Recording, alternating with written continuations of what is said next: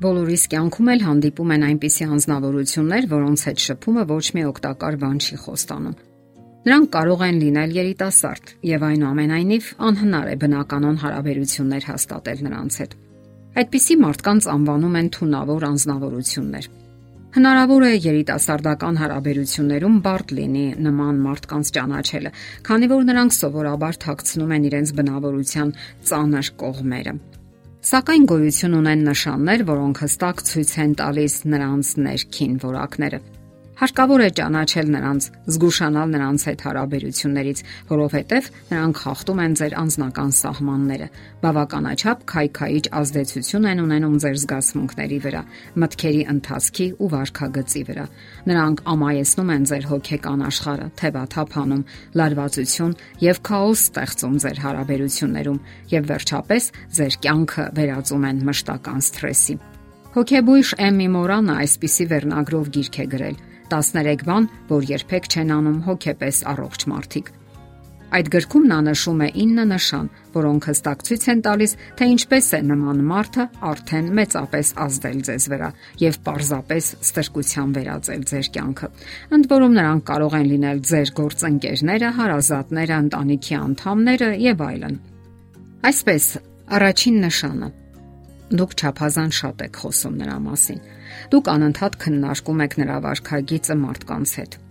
Եթե նա ձեր հարազատն է, նրա մասին զրույցները խլում են ձեր ժամանակի եւ կենսական ուժերի մեծ մասը։ Եվ իմացեք, որ եթե դուք թունավոր մարդկանց մասին անընդհատ խոսում եք ուրիշների հետ, ուրեմն նրանք լուրջ ազդեցություն եւ իշխանություն ունեն ձեզ վրա։ Զգում եք, որ ձեր կողքի երիտասարդն այդպիսին է, ուրեմն մտորելու լուրջ առիթ ունեք։ Թունավոր անznավորության կողքին դուք կորցնում եք ձեր համբերությունը։ Այդ հմուտ ձեռնածուն կարող է լինել ձեր աշխատակիցը, հարազատն ու հարևանը, կարող է լինել հենց ձեր ընկերը։ Նա էներգետիկ վամպիր է, ով պարզապես իր մեջ է կլանում ձեր հույզերն ու ամայացնում ձեզ։ Եվ դուք կորցնում եք ձեր համբերությունը։ Եթե զգուշություն հանդես չբերեք, սթրեսը կվերածվի կատաղության։ Եթե այդպիսի մարդը ղեկավարում է ձեզ, դուք զգում եք, որ չեք կարողանում վերահսկել ձեր հույզերը Իսկ ձեզ պետք է արդյոք նման կյանքի ընկերը։ Թունավոր մարդիկ հաճախ են նենգություն անում, վիրավորում եւ նվաստացնում շրջապատի մարդկանց։ Երբեմն դուք գայթակղություն եք ունենում մտածել հետեւյալ կերպ։ Օրինակ, հայրս ստիպում է ինձ, որ ես մեղավորության զգացում ունենամ, կամ իմ կողքի ընկերը նույնպես այդպիսի զգացումներ է առաջացնում։ Սակայն մեղավոր կզգաք ձեզ թե ոչ, կհարգեք ձեզ թե ոչ,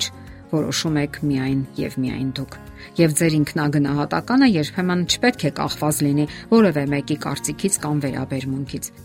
Եթե ձեր կողքին նկատում եք հենց այդպիսի ընկերոջ, ապա խոր մտածեք, թե ուր են տանելու նման հարաբերությունները։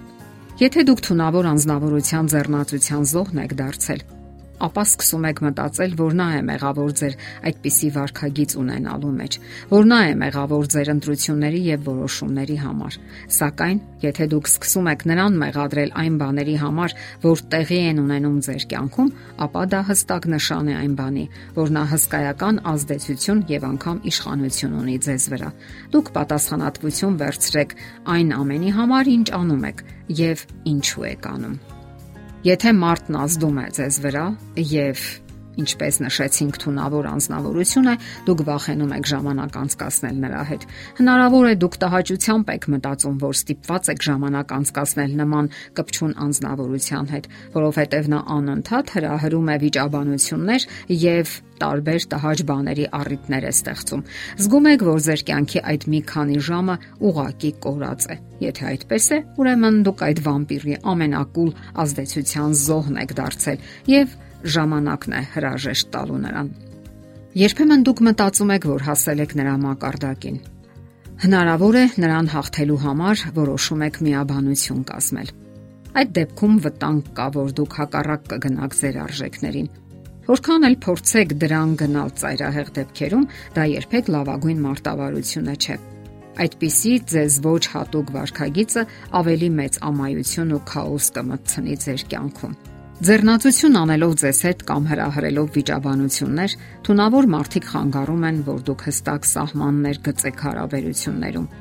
Նրանք միշտ հանկարծակի կբերեն ձեզ եւ իրենց լկտիությամբ ու անսպասելի արարքներով կփորձեն գայթակղել ձեզ եւ դուք չեք կարող գտնել համապատասխան բառերը նրանց հակադարձելու համար։ Ասենք որ նման դեպքերում բոլորովին կարիք չկա արդարացնելու նրանց եւ ավելի լավ է հստակ սահմաններ գծեք եւ երբեք թույլ չտաք, որ խախտեն դրանք։ Միայն առողջ սահմանների ձևավորումը թույլ կտա, որ պաշտպանվեք նման մարդկանց ազդեցությունից։ Երբեմն դուք դիմում եք անառողջ միջոցների, որpիսի հաղթահարեք իրավիճակը։ Ասենք, որոշում եք ձեզ ապարգևատրել շոկոլադով կամ ֆաստ ֆուդով, որովհետև հաղթահարել եք ծանր իրավիճակը։ Մի որոշ ժամանակ մի գուցե եւ դա կօգնի, սակայն երկարաժամկետ կտրվածքով դա միայն լուրջ հետևանքների կհանգեցնի։ Այդպես դուք երկար տարիներ կձգեք տանջալից հնազանդ հարաբերություններ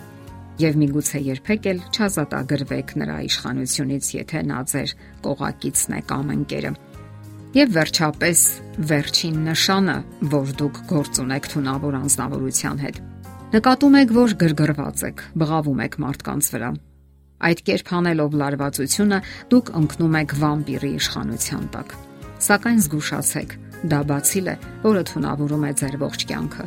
փչացնում ձեր եւ ձեր հարազատների հետ ունեցած փոխհարաբերությունը։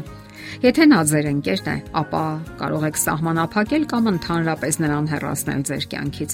Կարիք չկա անընդհատ մտածելու նրա մասին, հոգնեցնելու ձեզ։ Սահմանափակեք հանդիպումները եւ ավելի շատ ասացեք ոչ բառը։ Դե իսկ ավելի բարդ դեպքերում պարզապես հարկավոր է թունավոր մարդկանց մեկ ընդմիշտ հեռացնել կյանքից։ Բոլոր դեպքերում ձգտեք ապրել հնարավորինս խաղաղ եւ անցնցում կյանքով։ Եթերում է ճանապարհ երկուսով հաղորդաշարը։ Հարցերի եւ առաջարկությունների համար զանգահարել 033 87 87 87 հեռախոսահամարով։